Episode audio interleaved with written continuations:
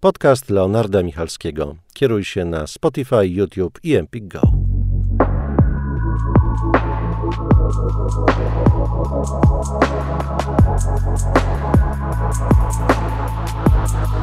Podcast Leonarda Michalskiego. Witam serdecznie. Podcast Leonarda Michalskiego. Wracam po małej przerwie. Chciałem, żeby nowy sezon zacząć naprawdę kimś wyjątkowym, żeby jednak była to też osoba ważna i, i dla mnie, i też dla innych, i bardzo znacząca w, życiu codziennym przede wszystkim. Bardzo długo o tę rozmowę walczyłem i cieszę się, że dzisiaj jest ze mną dziennikarz radiowy i lektor, także youtuber, i to nie brzmi pejoratywnie, głos Google Maps, pan Jarosław Juszkiewicz. Witam pana serdecznie. Dzień dobry, witam serdecznie, witam e, pana, witam wszystkich słuchaczy tego podcastu. Nie byłem pewien tak co do tego e, słowa youtuber, ale wiem, że słynie pan też no, poczucia humoru i dystansu. Myślę, że dużo osób tak jeszcze w dalszym ciągu właśnie podchodzi negatywnie do tego słowa, a myślę, że to też warto też jakiejś w ogóle dyskusji. To, jest, to są odwieczne dyskusje pomiędzy Robertem Zembrzyckim, z którym tworzymy ten kanał i mną. Mhm. E, Ja bym trochę tak poszedł na rympał i, i zrobiłem troszkę takich filmików, e, no nie ukrywam, pod publikę. I była taka seria, kiedy dubbingowałem na przykład słynne polskie kultowe filmiki memiczne. E, Ale tak naprawdę teraz chyba staramy się prowadzić, to zabrzmi strasznie, Boże, no nie oryginalnie, ale y, staramy się na tym kanale robić to, co nas interesuje. Nie chcemy tracić czasu na to, żeby się komuś przy, przypodobać albo starać się wykręcić statystyki. Zresztą nie sądzę, żeby ktoś wiedział, e, jakimi prawidłami się rządzi algorytm YouTube'a. E, I od pewnego czasu, od kilku miesięcy, też z pomocą naszych patronów na patronite.pl tworzymy po prostu filmy o tym, co nas interesuje, czyli o gadżetach technologicznych. E, Jest w tym trochę kosmosu, jest w tym trochę naszego przegadywania się e, i, i myślę, że to się sprawdza. Zacząłem od tego YouTube'a, ale też tak chciałbym w ogóle, zanim przejdę do już takich konkretnych pytań, jednak myślę o, mm, zapytać o takie coś po prostu ludzkiego i prostego. Mm, Jak pan się w ogóle czuje z tym, co się aktualnie dzieje na świecie? Jak pan sobie z tym radzi? Jak panu się udało, myślę, że jak wielu też innym, czy nawet jeszcze może się jeszcze w dalszym ciągu nie udaje, wrócić do normalnego funkcjonowania, pracować, robić swoje, jednocześnie mając oczywiście z tyłu głowy to, co się cały czas dzieje, bo to się myślę, że też dużo ludzi, często ludzie zapominają po prostu o stan psychiczny, o zdrowie. To ciekawe, bo ciekawe, że pan to mówi, bo dzisiaj słuchałem e, fragmentu audycji w TOK FM, kiedy jechałem samochodem do domu, e, o tym, jak my wyjdziemy psychicznie poturbowani po tej, po tej wojnie, że Mhm. e, te obrazy, bliskość ludzi, którymi bardzo wielu z nas się opiekuje i się z nimi przyjaźni, którzy znaleźli w Polsce schronienia, e, to jest jednak tragedia. E, I jest takie stare powiedzenie niczego, że jeśli wystarczająco długo patrzysz w otchłań, masz ochotę w nią skoczyć. Chyba jestem daleki od tego i, i skoro pan pyta, jak sobie radzę, chyba sobie nie radzę. To znaczy, przeżywam Mhm. to bardzo mocno i to widać w moich ostatnich filmach i chyba w zasięgach, Tak, które tak, jednocześnie, jednocześnie y, spadły, bo to, to nie jest też tematyka, która jest ciągle na fali i widać, że wiele osób jest nią zmęczonych. Ale na tyle, na ile mogliśmy z Robertem porusz, poruszyć ten temat, na tyle go poruszyliśmy w kilku e, naszych streamach. I właściwie z ostatniego zrezygnowaliśmy, powiem szczerze, bo też jesteśmy trochę zmęczeni tym tematem. Jest, jest takie, jednak uważam, też zmęczenie, prawda, że jest coś takiego. Jest, jest. Oczywiście to nie oznacza odwrócenia oczu e, od tego, co dzieje się na wschodzie. To nie oznacza e, zamknięcia tych oczu, czy, czy zajęcia się nagle... Bo to jest e, takie pomagajmy, pomagajmy, ale też róbmy swoje, nie? Żeby po prostu się nie zagubić, żeby nie oszaleć. Tak, i muszę powiedzieć, że ja jestem trochę zaszokowany i to, z tych emocji, o które pan pyta, ta jest najsilniejsza, to jest jednak pewna duma z bycia Polakiem. A jestem bardzo ostrożny, jeśli chodzi o patriotyzm. Mhm. No bo jest- jest bardzo to E, wyświechtane i no powiedzmy sobie szczerze, Zawłaszczone. w środowiskach, powiedzmy, też nazwijmy rzeczy po imieniu, wycieranie sobie twarzy nawet patriotyzmem. Tak, no nie, nie powiedziałbym tego tak ostro, ale w pewien sposób patriotyzm został zawłaszczony. Tymczasem okazało Mhm. się, że bez specjalnej zachęty rządu, chociaż ten rząd sobie przypisał również pewne zasługi. Tak, tak. Ludzie E, pomagają, a nie rząd. Tak, e, że jednak ludzie rzucili się do tej pomocy i szczególnie po tym, co działo się i dzieje się na granicy polsko-białoruskiej, bo tam wciąż pojawiają się uchodźcy, e, to jest jedno z moich największych chyba życiowych zaskoczeń. To jest pierwsza rzecz. Mhm. A druga, druga jest również pozytywna, bo ja nagrałem taki film razem z Tatianą Wołoszyną, która jest głosem ukraińskim Google Maps, która również znalazła schronienie w Polsce, bo y, ten tekst napisał się sam. Y, moja, nas, mm. moja zasługa nie jest wielka. Takie rzeczy robią się same. I tam się pojawia takie zdanie, y, i ono chyba wyciska łzy. Nasze narody w końcu się spotkały bo po bardzo trudnej historii wzajemnej i od strony polskiej, i od strony ukraińskiej, okazuje się, że my odkryliśmy tych ludzi na nowo. Ludzi, nie kraj. E, tak, po tak. prostu zobaczyliśmy, że oni są tacy jak my. E, niektórzy mają na, na rękach Apple Watche i też ich używają, oglądają te same seriale. E, I tutaj przechodzę do Krystyny, która przyjechała z Dniepro. To dawny Dnietro-Pietrowsk, ale raczej przy ludziach z Dniepro nie należy wymieniać tej rosyjskiej, czy właściwie radzieckiej nazwy. Mhm. I ona przyjechała z bliźniakami, ośmioletnimi, którymi się trochę zajęliśmy. Udało nam się, pomogliśmy y, Krystynie znaleźć mieszkanie. Zupełnie na marginesie okazało się, że jest też lektorką, czego na początku nie wiedziałem. I e, Krystyna e, zwróciła moją uwagę na to, że my oglądamy te same filmy, czytamy te same książki, uczyliśmy się o tych samych okresach w literaturze, przerabialiśmy romantyzm i pozytywizm. Ale nawet na poziomie tych dzieci, które wpadły do mojego studia, jestem fanem Gwiezdnych Wojen i wszędzie mam figurki, okay. to e, drobne różnice też nas cieszą. Na przykład e, e, mały Liowa, który patrzy na figurkę Mandaloriana i mówi Mandaloriec. No przecież jakie to jest cudowne. Oglądamy ten sam serial. Różnica, muszę panu powiedzieć, bo jeszcze dzisiaj zapytałem się mojego, bo ja mieszkam w Niemczech, mhm. mm, zapytałem się dzisiaj znajomego Rosjanina, z którym no, mam różne ciężkie dyskusje, ale uważam, że trzeba dyskutować. Uważam, Oczywiście. że to jest siła po prostu kon konfrontacja. To uważam, to jest, uważam też jakby podejście do dziennikarstwa, o tym też jeszcze możemy porozmawiać, ale zapytałem się tak. go dzisiaj, Google Maps, jakiś odpowiednik u was w Niemczech, czy jest, znaczy w Rosji, czy jest jakiś y, lektor znany właśnie, jak to u was w Rosji wygląda, a on do mnie, nie, jaki głos, jaki, jaki lektor, to jest robot. Ja, tak. ja stoję i mówię i tego i mówię i od razu sytuacja z 2020 z panem i takie i tak to wygląda w Rosji. Ja po raz pierwszy spersonalizowałem sobie nawigację w Niemczech. Byłem u znajomego w rany, gdzie to było? Nie w Düsseldorfie, w Dortmundzie byliśmy mhm. i pojechaliśmy na północ, ponieważ Uli, który jeśli nas słucha, bardzo go pozdrawiam, Uli postanowił nam e, pokazać Bremę, gdzie jest Centrum Badań Kosmicznych w Niemczech, gdzie powstają elementy Międzynarodowej Stacji Kosmicznej, a właściwie powinienem był powiedzieć, powstawały. E, i gdzie znajduje, a wcześniej zahaczyliśmy o Bremerhaven, gdzie, czy Wilhelmshaven, e, któryś z tych hafen, gdzie znajduje się muzeum i można wejść do prawdziwego ubota. E, dlaczego o tym mówię? Bo jechaliśmy na północ Niemiec i towarzyszyła nam Inga. Uli nazywał ją Inga.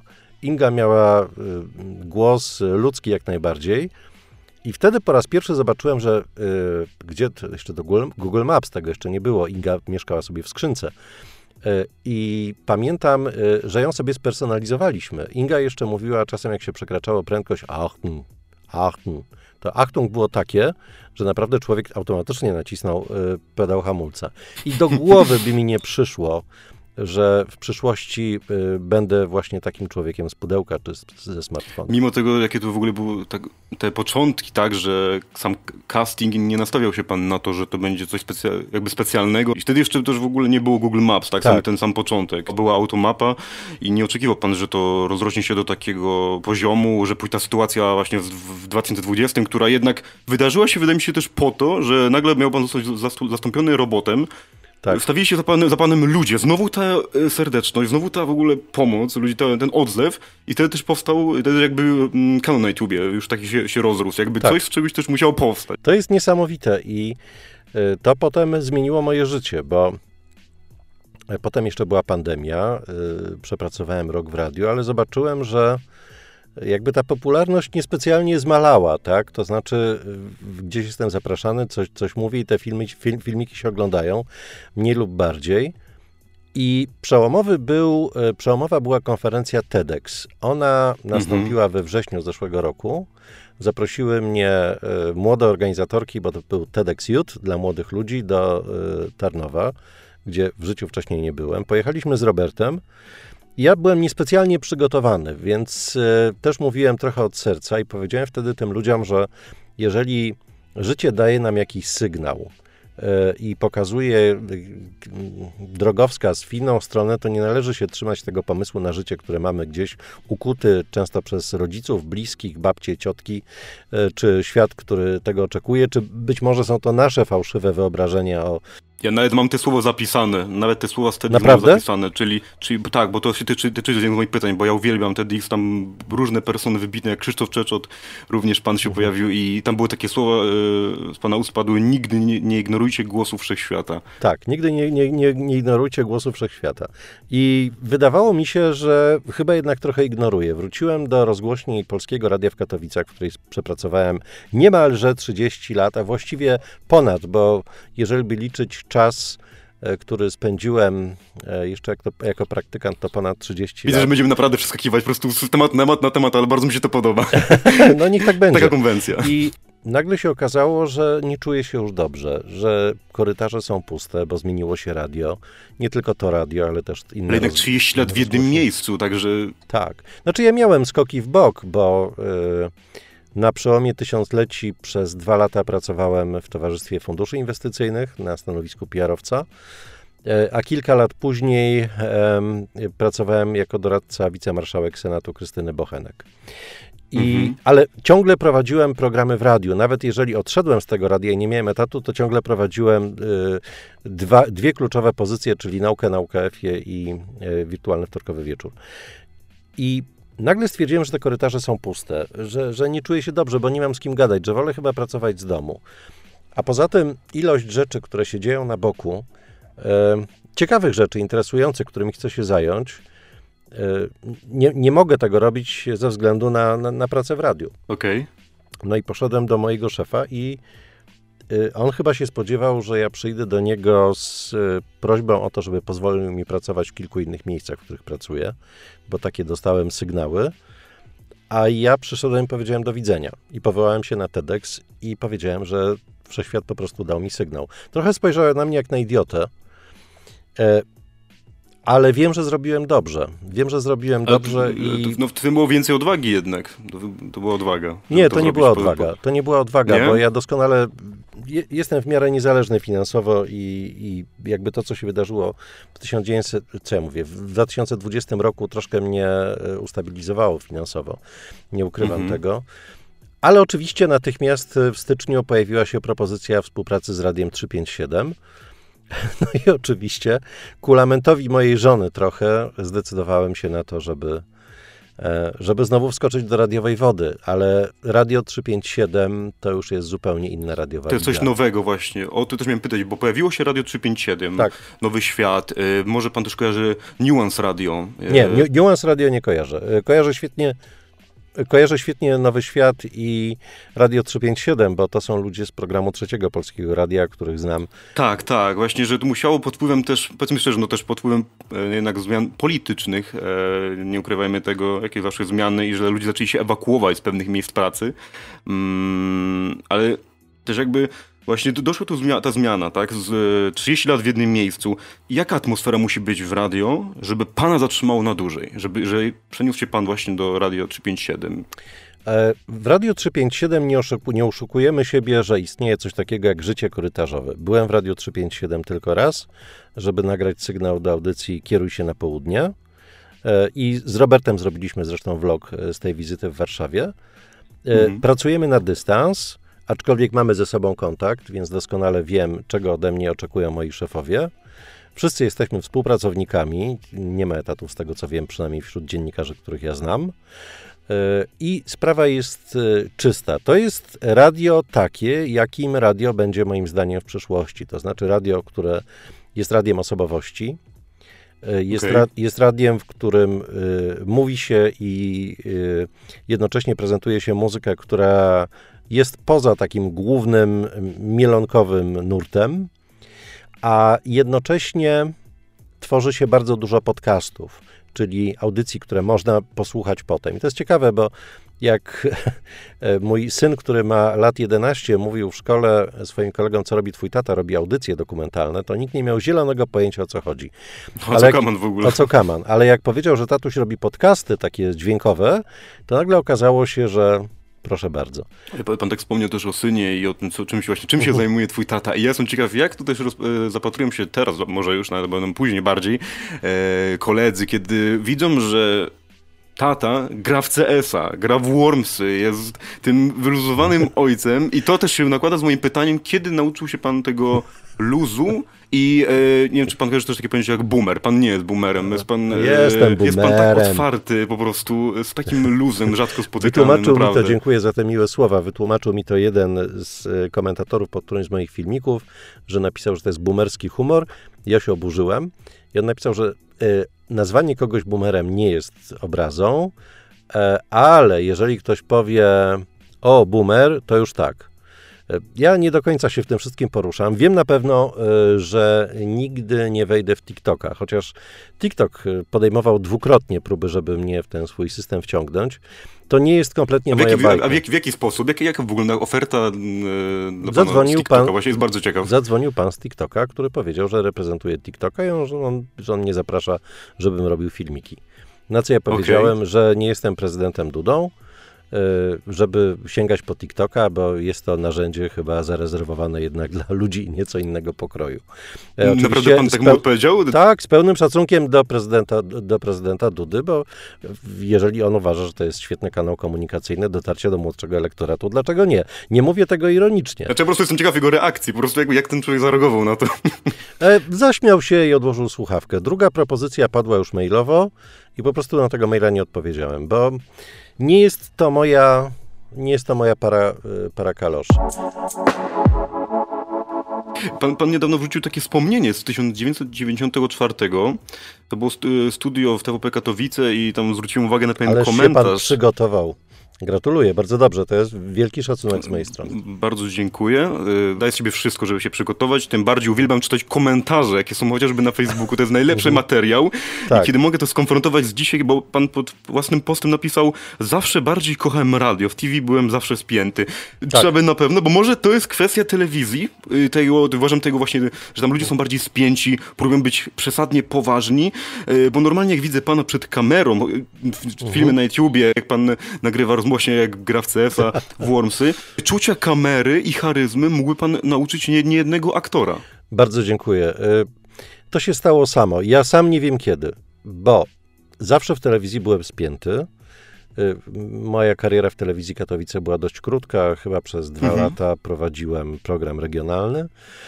E, Nie czułem się z tym, jeszcze teleturniej chyba jeden, nie czułem się z tym dobrze, Tak. bo w radiu jest tak, że zawsze mamy teksty, które, z których korzystamy, mamy przed sobą. I zawsze w razie czego można się tym podeprzeć. I szczerze mówiąc, tego nie mówiłem chyba w żadnym wywiadzie, nauczyłem się mówienia totalnie bez kartki, z głowy, dopiero przy którymś filmie na YouTubie i był to któryś film z serii grania w gry na ZX Spectrum, które samodzielnie zlutowałem. Mhm. E, Ostatnio miałem taki problem, bo nie mogłem używać kartki, e, kiedy e, musiałem powiedzieć po ukraińsku kierujmy się ku wspólnej przyszłości. I chyba robiliśmy z Robertem tych tejków, tych podejść Z28, jeśli nie 30. I potem puściłem to właśnie Krystynie, znajomej Ukraińce, bardzo się śmiała z moich prób. Ale Ale to, prawda, czuł pan coś takiego właśnie, że pan Mhm. tak nagrywał te duble kolejny raz już któryś, bo czuł pan takie, no pan nie może po prostu popełnić błędu w czymś takim? Takie, To- to Robert, Robert mi nie pozwolił na to. Taka jest prawda. Pod tym względem jest upierdliwy do granic możliwości. E, Ale e, wracając do Pana pytania, ja się nauczyłem luzu przed kamerą dopiero e, prowadząc kanał na YouTubie. Słowo honoru. E, I to, widać, trochę- i, to, i, to, I to widać, ale właśnie jestem ciekaw, m, jak pan może powiedzieć swoje doświadczenie, jeśli chodzi o telewizję kiedyś, a dzisiaj. Czego to jest kwestia? Bo nie tyle chodzi o to, że może pan nie miał tego nie wiem, luzu albo bycia jeszcze, bo brak do, małego, małe doświadczenie. Tak, ja miałem wtedy 23-24 lata. Czy ta telewizja w dalszym ciągu emanuje taką energią, że człowiek jest spięty? Jest coś takiego. Ja myślę, że to wynika z tego, że ja nagrywam większość swoich filmów jednak w otoczeniu, które znam. Mhm. E, To jest moje studio, e, okolica mojego studia, to, to jest Robert, którego znam e, i czasem robimy sobie głupie dowcipy. W telewizji przychodzi się do miejsca, gdzie na dzień dobry jest spina, bo się idzie do makijażystki. Ten sam, sam ja, najbardziej chyba stresujący moment dla mnie zawsze w telewizji był taki, kiedy nakładano mi makijaż. Powiedziałem, że to jest wstęp do czegoś i o rany, o rany, co to będzie dalej. E, potem się wchodzi do studia, e, gdzie, są, gdzie jest cała masa ludzi. E, ktoś kontroluje światła, są operatorzy kamer, jest ktoś od dźwięku, jest reżyser, który pokrzykuje, jest producent, jest wydawca. Tego jest bardzo dużo i człowiek musi zapamiętać bardzo dużo rzeczy. A ja w zapamiętywaniu jestem kiepski i dlatego lepiej idzie mi mówienie z głowy, czyli z niczego. A to nie powiedziałbym, w sensie, czy to akurat była przeszkoda w zawodzie, że przykład pamięć, że wręcz właśnie musi być lepsza? Tak, pewne rzeczy trzeba było spamiętać, ale ja nie lubiłem tej całej otoczki. Y, radio, czy tworzenie w tej chwili podcastów jest dla mnie bardzo intymną relacją ze słuchaczem. Okay. To jest, y, to jest, telewizja służy czemu innemu. Telewizja jest bardzo dosłowna i może się mylę w tym, co mówię, ale patrzymy na ostatnie lata telewizji, takiej, jaką -hmm. znamy. Mhm. Moim zdaniem przetrwa telewizja informacyjna, bo ona świetnie się sprawdza, bo ludzie e, traktują telewizję informacyjną tak jak przez całe dekady radio, czyli sposób najszybszy e, przekazywanie informacji. Telewizja informacyjna towarzyszy nam często przez cały dzień, ale telewizja w sensie ramówki, w której są poszczególne programy i są jeszcze zapowiadane przez speakera, moim zdaniem ma kiepskie szanse na przetrwanie w zderzeniu z platformami streamingowymi, które pozwalają mm -hmm. oglądać y, całe seriale czy rzeczy bez reklam i bez specjalnego e, wgłębiania się w to, jaka jest. To jest smutna, z, prawda? Zmiany będą, ale w takim w ogólnikowym takim spojrzeniu to jest tak, jak ludzie mówili. Mówią, że telewizja się skończy. No i dalej jest. Mówili, że radio się skończy. Dalej jest, ewoluuje. Uważam, że podcast jest niczym innym niż po prostu odświeżonym radiem. Tak. E, moim zdaniem tak będzie. Radio jako radio nie zginie, bo ludzie potrzebują dalej przekazywania informacji na bieżąco. Ale jeśli chodzi o te bardziej ambitne formy, ja się bardzo z tego powodu cieszę jako twórca radiowy, e, są podcasty i, ludzie mogą sobie je odsłuchać, kiedy chcą, w jakiej sytuacji chcą. I tak zresztą te podcasty, które e, robiłem dla Radia 357 na przykład. I słuchowiska też. Tak, i słuchowiska jak najbardziej. Dobrze, że pan o tym wspomniał, bo E, słuchowiska przez dobre 20 lat, jak byłem w Radiu Katowice, odeszły w zapomnienie po latach 90. Gdzieś... Wspominam o słuchowiskach, ponieważ brałem, miałem przyjemność ten udział wziąć e, w słuchowisku, gdzie Krzysztof Czyczot przełożył Pismo Święte na słuchowisko. O, to ciekawe. I, i, też no, zajmuję się też projektami dźwiękowymi, także jest to mi tak bliska rzecz, że musiałem po prostu też o tym wspomnieć, bo to jednak jest coś magicznego, uważam, jako projekt, gdzie jest nie tylko sam głos, ale udźwiękowienie, muzyka, fabuła, tak zwany film bez obrazu. Uważam, że no, o tym warto też jeszcze więcej Ten obraz opowiedzieć. wyświetla nasze nasza wyobraźnia. Ja w, tak, te staram się, ja w tę stronę staram się iść, e, robiąc podcasty teraz. E, dwa tygodnie temu zakończyłem produkcję dziesięcioodcinkowej serii właśnie dla Radia 357. Ona, o, te odcinki są do odsłuchania na y, stronie Radia 357. Trzeba być patronem. Y, I tam właśnie starałem się pobudzić wyobraźnię słuchaczy w takich momentach, kiedy ten film można wyświetlić, czyli na przykład miałem dwie takie, dwie takie sytuacje w czasie tego cyklu, e, które, które były dla mnie nowe. Otóż e, przy audycji o przeszczepach serca chciałem pokazać, jak to się stało, że po raz pierwszy przeszczepiono serce. I ten podcast zaczyna się od sceny wypadku samochodowego w Kapsztadzie, kiedy auto potrąca młodziutką urzędniczkę Louise Darwal i ona przechodzi do historii medycyny, bo jej serce za chwilę będzie biło w piersi e, Luisa Waszkańskiego, ale ona się o tym już nigdy nie dowie, bo nastąpiła śmierć mózgowa. I starałem się pokazać ten wypadek samochodowy jak najbardziej realistycznie. I w tym samym odcinku, e, to jest myślę ciekawsze, e, doszedłem do sceny, w której profesor Religa dokonuje jednego z pierwszych przeszczepów u siebie w klinice w Zabrzu. Świetnie znałem reportaż mojego redakcyjnego kolegi Aleksandra Trzaski, który, proszę sobie wyobrazić, był w tej sali operacyjnej, nagrywał fragment tej operacji, pozwolono mu to zrobić i w ten sposób powstał reportaż Tylko jedna matka płacze, e, który był na shortliście do nagrody Pri Italia. To reportaż z, 8, z połowy lat 80. Wiedziałem doskonale, że robiąc audycję dla Radia 357 nie mogę wykorzystać reportażu, który jest w archiwum Polskiego Radia. I wtedy zastosowałem po raz pierwszy w życiu taki myk, że posłuchałem sobie tego reportażu, spisałem ten fragment, którego potrzebowałem, a jest to fragment z sali operacyjnej i po prostu wykorzystując aktorów i efekty dźwiękowe współczesne, zrekonstruowałem go, No to sfabularyzowałem. właśnie ten, to, to, co uważam umożliwia dźwięk, czego nie da nawet sam film. Tak, przez długi czas jeszcze twórcy radiowi byli ograniczeni prawami autorskimi, mam na myśli ZAX, jeśli chodzi o muzykę i efekty dźwiękowe. E, nowoczesne technologie sprawiły, że w tej chwili jest kilka, jeśli nie kilkanaście serwisów, w których można po prostu kupować utwory z licencjami za Dokładnie. przyzwoity abonament i pan jako twórca internetowy też doskonale wie, jak bardzo ułatwia to pracę. Mhm, tak. Tak, Y, też jak gadaliśmy właśnie o tej telewizji, rozmawialiśmy, to też Mhm. chciałbym podkreślić jednak, uważam, coś bardzo ważnego, bo bywał pan wielokrotnie w Dzień Dobry TVN. Tak. Mm, Jeden, jeden taki szczególny występ utkwił mi w pamięci, którego nie oglądałem na żywo, no mówię, bo nie mieszkam Mhm. w Polsce, sprawdzałem później. I tak jak mam bardzo złe podejście do telewizji śniadaniowych, e, najczęściej no po prostu to się wyłącza, uważam, po sekundzie. Ci eksperci, którzy znają się na wszystkim. I raz pojawia się pan Jarosław Juszkiewicz z projektem, to było chyba 2020 2021, święta. Czytał pan czyjeś wiadomości, czyjeś listy, przeprosiny w czymś... e, Tak, to w zeszłym e, roku było. 2021 rok.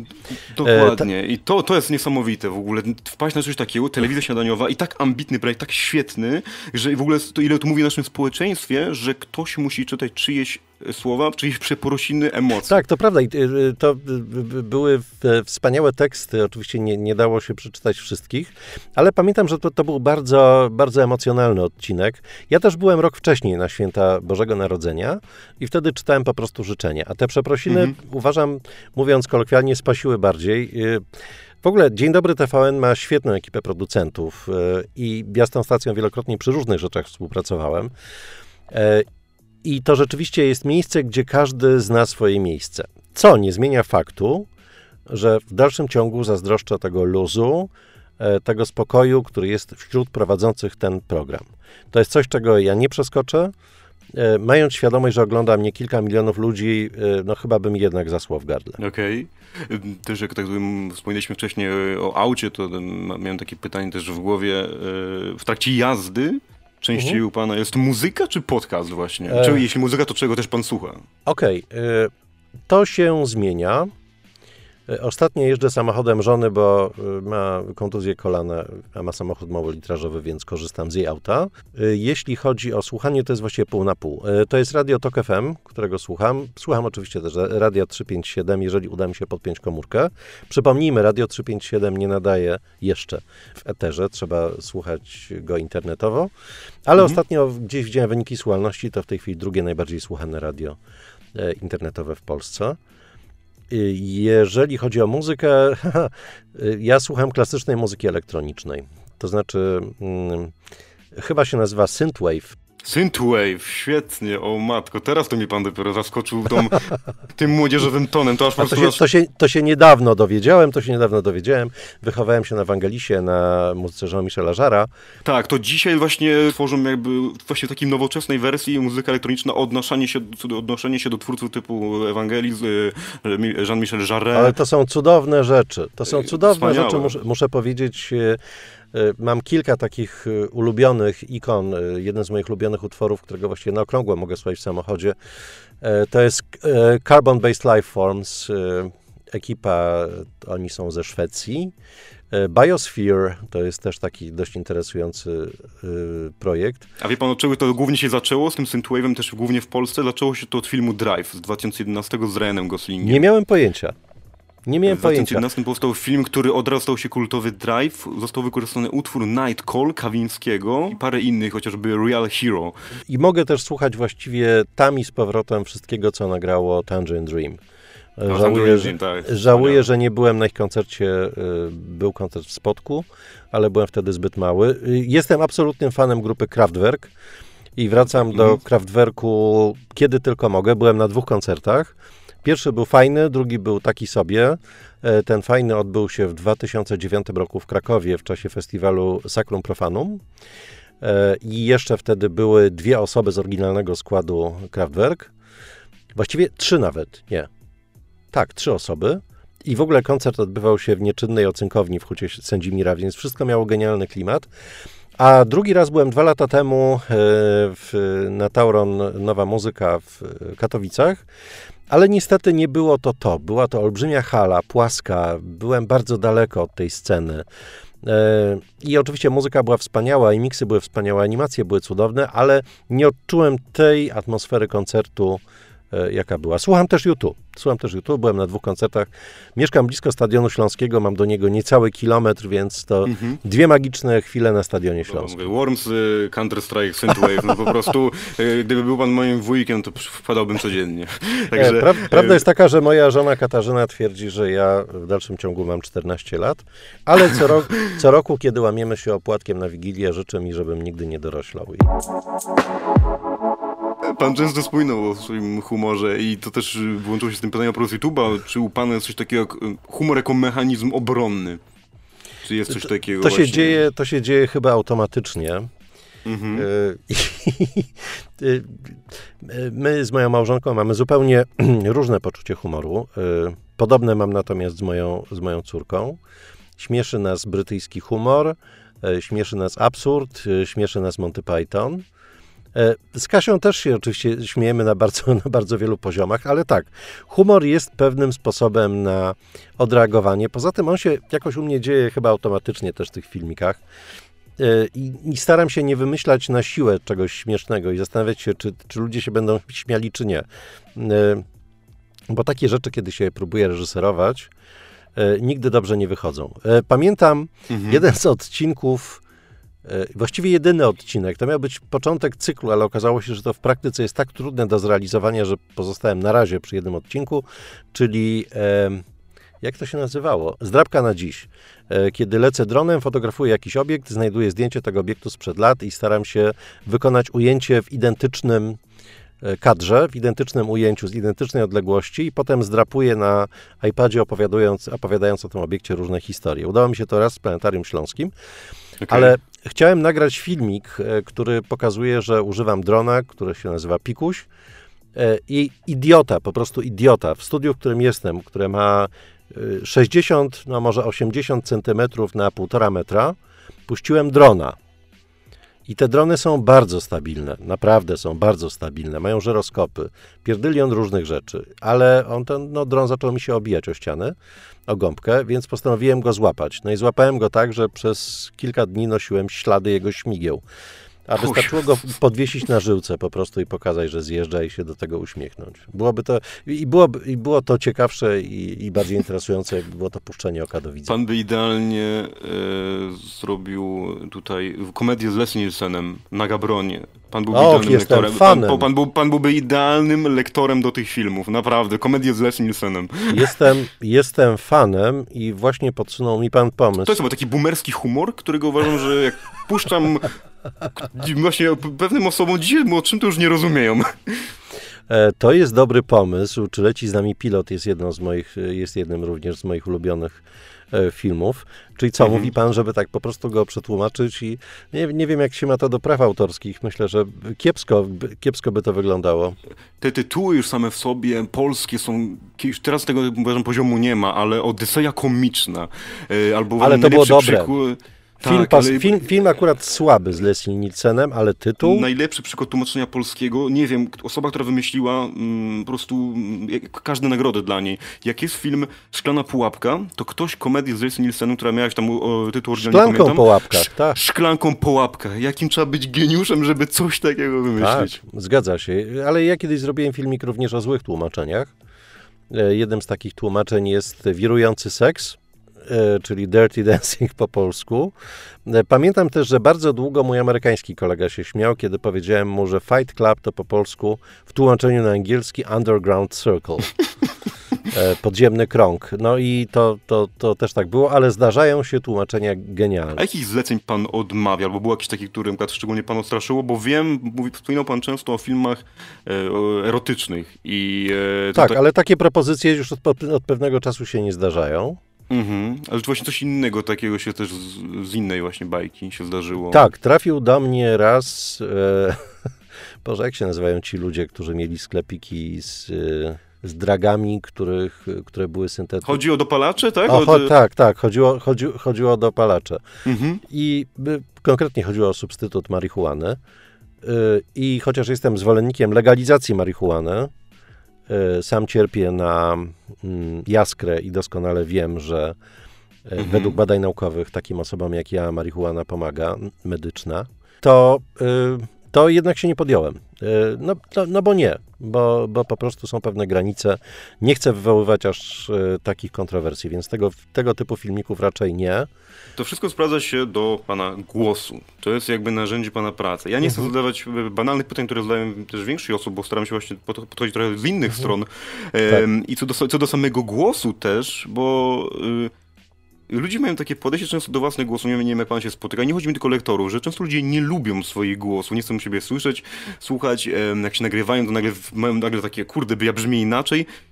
Y, czy pan zawsze lubił swój, swój głos, czy dopiero, nie wiem, przyzwyczaił się, albo był pan świadomy swojego głosu dopiero na jakimś etapie? Y, Wiedziałem, że mogę go wykorzystać jako narzędzie, ale nie zdawałem sobie sprawy jakby z brzmienia. Kiedy rozmawiałem kiedyś z koleżanką przez telefon, było to w ósmej klasie podstawówki, czy może nawet w siódmej, tuż po przejściu mutacji, i ona mówi, powiedz jeszcze do mnie, y, powiedz to do mnie jeszcze raz, a dlaczego? No tak ładnie zabrzmiałeś. No kurde. I, i z, biegiem, z biegiem czasu mówiło mi to coraz więcej osób i to był ten potrzeb e, wszechświata, chyba pierwszy w moim życiu. I jakoś tak automatycznie się wszystko stało, że w drugiej klasie liceum poszedłem na kółko dziennikarskie do Pałacu Młodzieży w Katowicach. Tam z kolei na, e, zajęcia prowadził redaktor Wojciech Pacula, z którym potem zrobiłem bardzo wiele audycji. Poszliśmy do budynku przy Ligonia 29, on wtedy nas posłuchał. E, Każdego zjechał, a, a o mnie nie powiedział nic, więc pomyślałem, że to dopiero źle wypadłem. Że nic, to- się kiedy... Tak. Tak.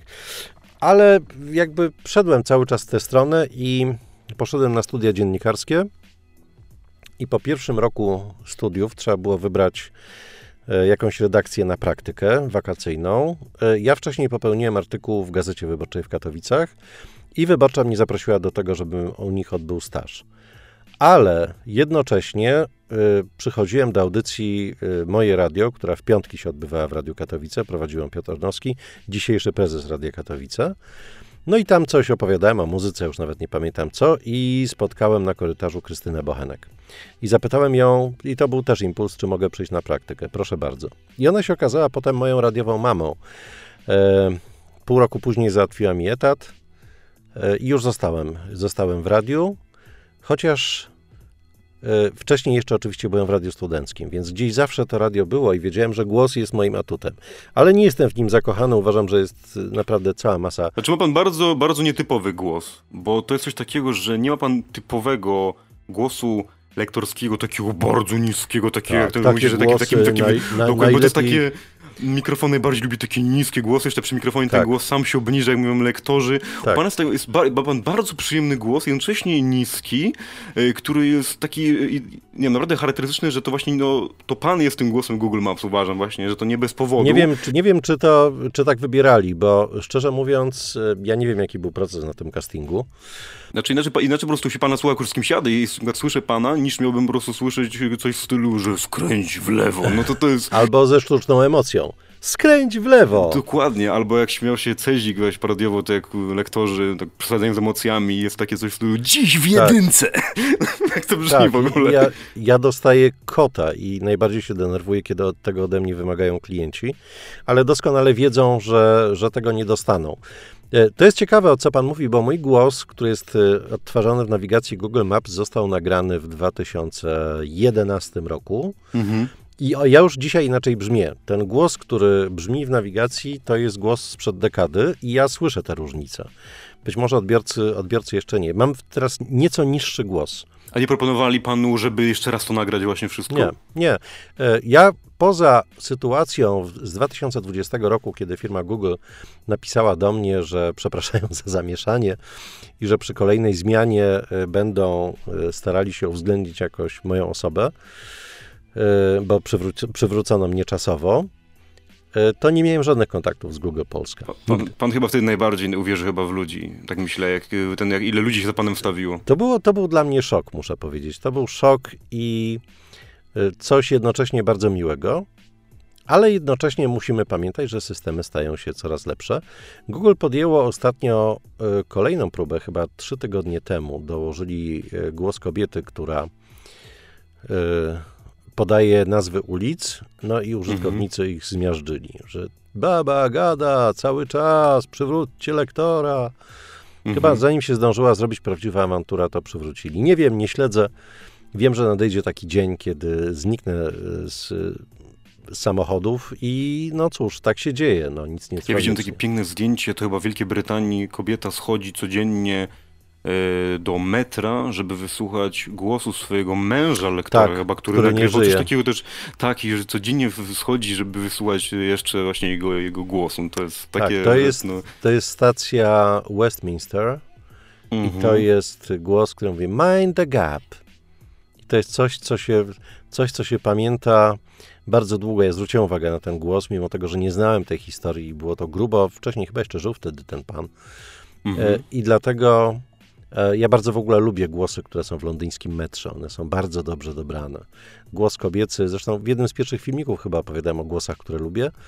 I też właśnie przy, przywołałem przykład głosu z londyńskiego metra e, kobiety, która mówi e, właśnie nie mind the gap, bo to, to mówi mężczyzna. No w każdym, doors are closing i tak dalej. Każda linia zresztą mm -hmm. ma nieco inne, inną lektorkę. To jest, no to jest, to, to, to jest fajne, że, że ludzie również takie głosy utożsamiają. Ja w ogóle e, kiedyś, e, jak był festyn lotniczy na lotnisku w Pyrzowicach, to zapowiadałem też e, przyloty i odloty samolotów. Ludzie byli trochę zdziwieni. Jak tak już mówimy o lektorach też, to w ogóle warto podkreślić, że w lutym zwyciężył pan w aukcji Wielkiej Orkiestry Świątecznej Pomocy i ma pan w posiadaniu mikrofon świętej pamięci Tomasza Knapika. No, tak, to, to jest, prawda. Y, gdzie obecnie się znajduje? Czy jest, używa pan go, korzysta z tak. takich konkretnych projektów? Tak, będę niedługo robił y, filmik pod tytułem Jak brzmi mikrofon Tomasza Knapika. Mhm. Bardzo wiele osób mnie o to pyta. Jest y, mikrofonem drugim w moim studiu. Używam go. Używam go na przykład przy wszystkich y, moich transmisjach streamowych. Właśnie ostatnio w czasie CS-a to był mikrofon pana Tomasza Knapika. A, to był on, to był on. Okay. E, przy czym mikrofon pana Tomasza Knapika rozwalił mnie tym, że pachnie Tomaszem Knapikiem. To znaczy w, w tym sitku jest zapach wody kolońskiej pana Tomasza. Jeżeli A ciary się... musiał jakieś takie przejść, tak, taki dreszcz, tak, nie? Bez Naprawdę. Dwóch zdań, bez dwóch zdań. Zrobiłem to w ogóle bez porozumienia z żoną i bałem się, że, że mnie zabije, bo kwota wynosiła 15 tysięcy złotych. E, ale przyjęła to jakoś. Przyjęła to jakoś, bo e, wiedziała, jakie to jest dla mnie ważne. To były pieniądze, które odkładałem przez kilka lat na zegarek, który chciałem mieć. Słynny zegarek Omega Speedmaster, zegarek księżycowy jeden z niewielu seryjnych produktów, które poleciały na Księżyc. Mhm. E, ale kiedy zobaczyłem te aukcje, to, to, to wiedziałem, no myślę, że to nie, jest, to nie jest przypadek. To nie jest przypadek, że akurat pan ma ten mikrofon naprawdę. Ja się, ja się, bardzo cieszę z tego powodu, jest to dla mnie wielki zaszczyt. Dodatkowo Jurek Owsiak podpisał się na statywie do tego mikrofonu, także mhm. E, mam go z autografem Jurka Owsiaka, mam certyfikat, że to jest mikrofon Tomasza Knapika, więc jest to cudowny e, element u mnie w studiu. Ale to też, bo powiedzmy sobie szczerze, e, bez żadnej fałszywej skromności, tak jak dla wielu inspiracją e, są Marek Niedźwiecki, Wojciech Mann. Pan wie o tym, że pan będzie inspiracją, już może jest obecnie dla wielu. Nie wiem tego, będzie, będzie mi bardzo miło. Bo ja, bo ja to słyszę i widzę, e, nie tylko na YouTubie, na Facebooku, po prostu reakcjach ludzi. Bardzo się cieszę. No... Bardzo się cieszę, to, to znaczy, że podjąłem mhm. gdzieś tam we wrześniu dobrą decyzję. Pamiętam jedną z ostatnich rozmów z panią marszałek Bochenek, ja pracowałem u niej przez rok e, od e, września 2008 roku do listopada właściwie 2009 roku. Utrzymywaliśmy kontakt i widzieliśmy się przed Smoleńskiem chyba dwa tygodnie. Wpadłem jeszcze na chwilę do biura i pamiętam, że jak wracałem z tego Senatu do radia, kiedy już po zmianie niespecjalnie mi przychylnego zarządu pojawili się ludzie myślący trochę o radiu i pojawiła się propozycja, żebym wrócił, z której skwapliwie skorzystałem. Pani marszałek powiedziała, że e, Jarku, proszę cię tylko o jedno, żebyś nigdy nie był takim redaktorem w laciach. Często można spotkać w rozgłośniach radia publicznego dziennikarzy, którzy są krótko przed emeryturą, i chodzą w kapciach, bo jest im wygodnie, Okej. ja to rozumiem, ale jest to pewien symbol. Jest to pewien symbol i dla mnie radio jest miejscem, w którym e, ludzie, ja jeszcze pamiętam speakerów. Świątynia to będzie słuszne słowo czy nadużycie? Tak, nie, to będzie dobre słowo. Ja pamiętam jeszcze speakerów, czyli ludzi, którzy byli kapłanami w tej świątyni, skoro już się trzymamy takich porównań. Mhm. E, I oni nie byli z tego pokolenia, kiedy się wkładało smoking, żeby wystąpić przed mikrofonem, bo to się robiło przed wojną. Ale ten szacunek do mikrofonu, do słuchaczy, do ich wyobraźni tkwi we mnie bardzo głęboko. E, Teraz jest takie modne, że mogę to powiedzieć, że zaszczepiono to głęboko w moim DNA. Bo byłem z tego pokolenia mm, dziennikarzy, które było pierwszym pokoleniem młodym, które przyszło po zmianach w 1989 roku. I myśmy bardzo wiele nauczyli się od naszych starszych kolegów. E, Teraz jest nieco inaczej, co pewnie pokazuje w serii podcastów z Wiktorem Niedzickim, e, radio, którego już nie ma. Ale fakt, że też od strony technicz- technicznej trzeba było więcej umieć, radio było bardziej wymagające kiedyś niż dziś. Nie, nie chciałem tak też specjalnie wchodzić właśnie w ten temat, ale już tak pan nap- napomknął Mhm. e, a propos tego Smoleńska właśnie i Tak. tego wokół, wokół, co się wokół tego dzieje i no to s- wczorajszy pomysł, żeby uruchamiać alarmy. No, Byłem bardzo przeciwny. Byłem bardzo Nie, przeciwny. wcho- bo to nie wchodząc w, w temat stricte politycznie, ale w ogóle, w ogóle e, społecznie, co uważam, że każdy obywatel powinien być świadomy tego, co się dzieje i reagować na to. To nie jest w porządku. Ja się cieszę, że prezydent Katowic i prezydenci innych miast śląskich zareagowali. E, zawyły syreny w Katowicach, bo jeszcze wojewoda ma swoje syreny, które uruchomił. Chodziło o zwykłą ludzką coś, co Olga Tokarczuk nazywa czułością, tak? Pewnym Mhm. zrozumieniem dla drugiej osoby. Wyobraźmy sobie osoby, które e, spędziły czas w schronach. Nie mówię o dorosłych, mówię o kobietach z dziećmi. Szczególnie chodzi mi o Tak. te dzieci. Dzieci Krystyny, o której już tyle mówiłem dzisiaj, e, kulą się na dźwięk karetki pogotowia, bo po prostu kojarzy im się z traumą. I to nie jest tak, że wyślemy SMS i powiemy uwaga, uwaga, będą ćwiczenia. Albo Tak, dzisiaj tak, tak. spotkałem się e, chyba w, e, w jednej z rozgłośni radiowych, to musiało być to FM, e, ktoś mówił, e, nie przyznając racji z jed, jednej czy drugiej stronie, e, że przecież ten dźwięk syreny jest inny i trzeba je przetestować, nie wariujmy. No akurat w tym wypadku wydaje mi się, że trzeba być ostrożnym, że trzeba wariować. Co z tego, że te dźwięki mają inną częstotliwość? E, Być może dorośli to zrozumieją, ale dzieci zareagują odruchowo. Żadne SMS-y tego nie załatwią, naprawdę. To w ogóle jest chore. A teraz jak zaczniemy ludziom z Ukrainy tłumaczyć, że to dlatego, że e, 12 lat temu e, spadł samolot o tej i o tej godzinie i śmierć poniosła elita polskiego społeczeństwa, spróbujmy to w jakiś sposób przetłumaczyć na język ukraiński. Czy my na Ukrainie, czy my uciekając przed wojną do Ukrainy, oby tak się nie Ja stało? powiem szczerze, myślę, jakkolwiek to źle brzmi, myślę, że ich w danym momencie ich to nie interesuje. Tak szczerze, mam takie wrażenie po prostu. Bo oni po prostu chcą mieć spokój i odetchnąć po tym, co się dzieje, działo i dzieje. Oczywiście i nie zrozumieją po prostu tego tłumaczenia. Nie zrozumieją, tak, tak. I żeby to była okrągła rocznica, ale nie, to była dwunasta rocznica, nagle wyciągnięto po raz kolejny e, Smoleńsk. Dlaczego o tym mówię? Bo rodzina pani marszałek była przeciwko ekshumacji zwłok, do której doszło kilka lat temu. I to, że nie uszanowano woli rodzin e, w takiej sytuacji, było naprawdę ciosem dla bliskich. To jest podwójna trauma. E, I teraz znowu e, zaczęło się, zaczęło się jakieś żonglowanie Smoleńskiem, co wzbudza mój jak największy sprzeciw. Mówię to bez żadnej e, bez żadnego ukrywania. Tam zginęła osoba, która jest mi bardzo, bardzo bliska, która zostawiła po sobie e, w moim życiu bardzo głęboki ślad. E, Nazywam ją nie bez przesady właśnie moją radiową mamą, e, bo wychowała mnie radiowo. Skoro pan wspomina o jakimś tam profesjonalizmie, które staram się pokazywać w audycji, to ten profesjonalizm został mi wtłuczony do głowy e, e, butem na wysokiej szpilce. Żartuję. Tym bardziej tego sytuację może pan odbierać jeszcze bardziej osobiście. No. Tak, i, i odbieram to bardzo osobiście. E, I po prostu mo, moim zdaniem powinniśmy zamknąć gdzieś te rany, dać sobie już spokój, nie wykorzystywać tego jako paliwa politycznego. Tym bardziej, że na przykładzie Ukrainy możemy zobaczyć, że nasze równo poukładane życie i wydawałoby się nieco fałszywe poczucie bezpieczeństwa może zniknąć razem z pierwszą przylatującą rakietą uderzającą w budynek mieszkalny. Tak, też to może, się, to może się zdarzyć każdego dnia. I w każdej sekundzie, i w każdej sekundzie. Bo to też chciałem do tego wrócić, właśnie do tego TEDx, jak, e, o tych głosach, o tych czy, mm, zwracaniu uwagi na znaki, ale mm, czy faktycznie był taki jeden szczególny moment, kiedy nie wyczytał pan dobrze znaku, może to być na początku e, kariery, kiedy pan zaczynał, zdarzył się taki błąd, zły ruch w karierze, e, który siedzi może, albo dziś, do dzisiaj nawet w głowie, siedział długo i e, myślał pan wiem, już, już, po, już po moim zawodzie już nie będę mógł tego wykonywać, jak, jak mogłem taki błąd popełnić.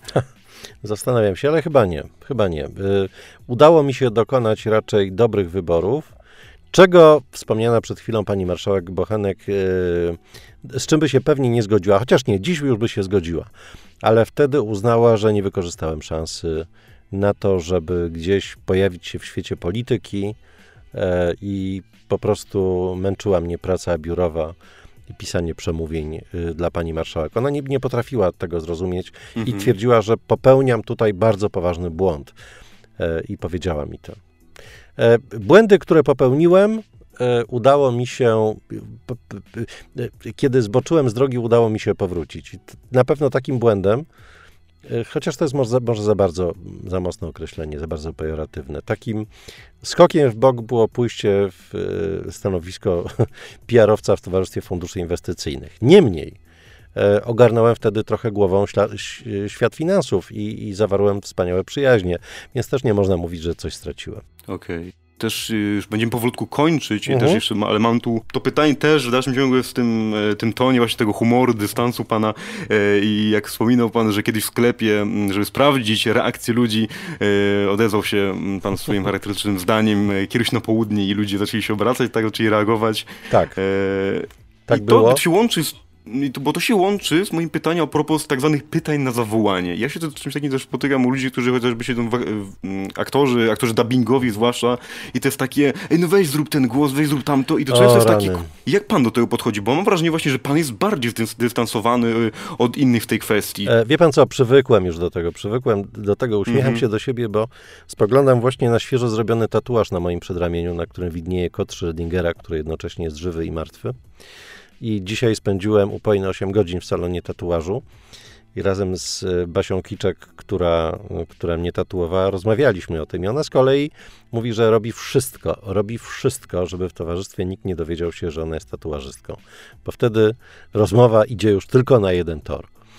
Ja niestety Okej. nie mam takiej możliwości, bo nie mogę powiedzieć, bo czasem jestem wyczajany e, po głosie, Mhm. ale żeby zrobić taką klamrę, skoro pan wspomniał o tym supermarkecie, kiedy się odezwałem, wszyscy się odwrócili, chciałem zrobić taki numer, jak z kolegą Zembrzyckim jechaliśmy e, do Warszawy kiedyś takim otwartym wagonem e, z fotelami lotniczymi i, i zapadła cisza, pociąg jechał i chciałem się odezwać i chcieliśmy zarejestrować, jak się ludzie odwracają e, w wagonie. I powiedziałem, kieruj się na południe.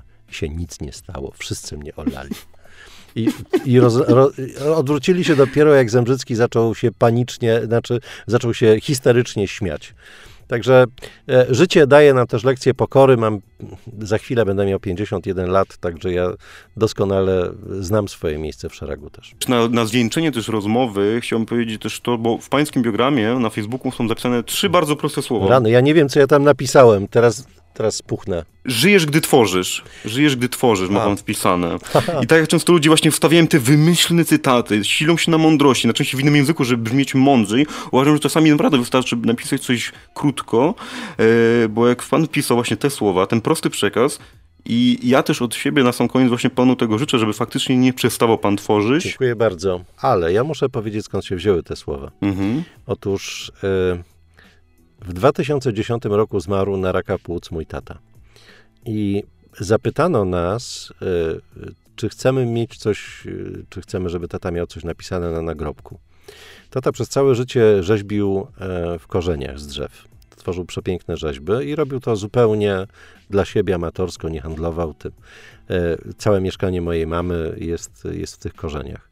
I właśnie wtedy powstała ta, ta fraza: Żyjesz, gdy tworzysz. Ona jest na nagrobku mojego ojca. Piękna klamra. Jeszcze raz panowie dziękuję. To ja dziękuję. Naprawdę to była dla mnie ogromna przyjemność pana poznać, z panem porozmawiać. Dla mnie również. Podcast Leonarda Michalskiego. Podcast Leonarda Michalskiego. Kieruj się na Spotify, YouTube i Empik Go.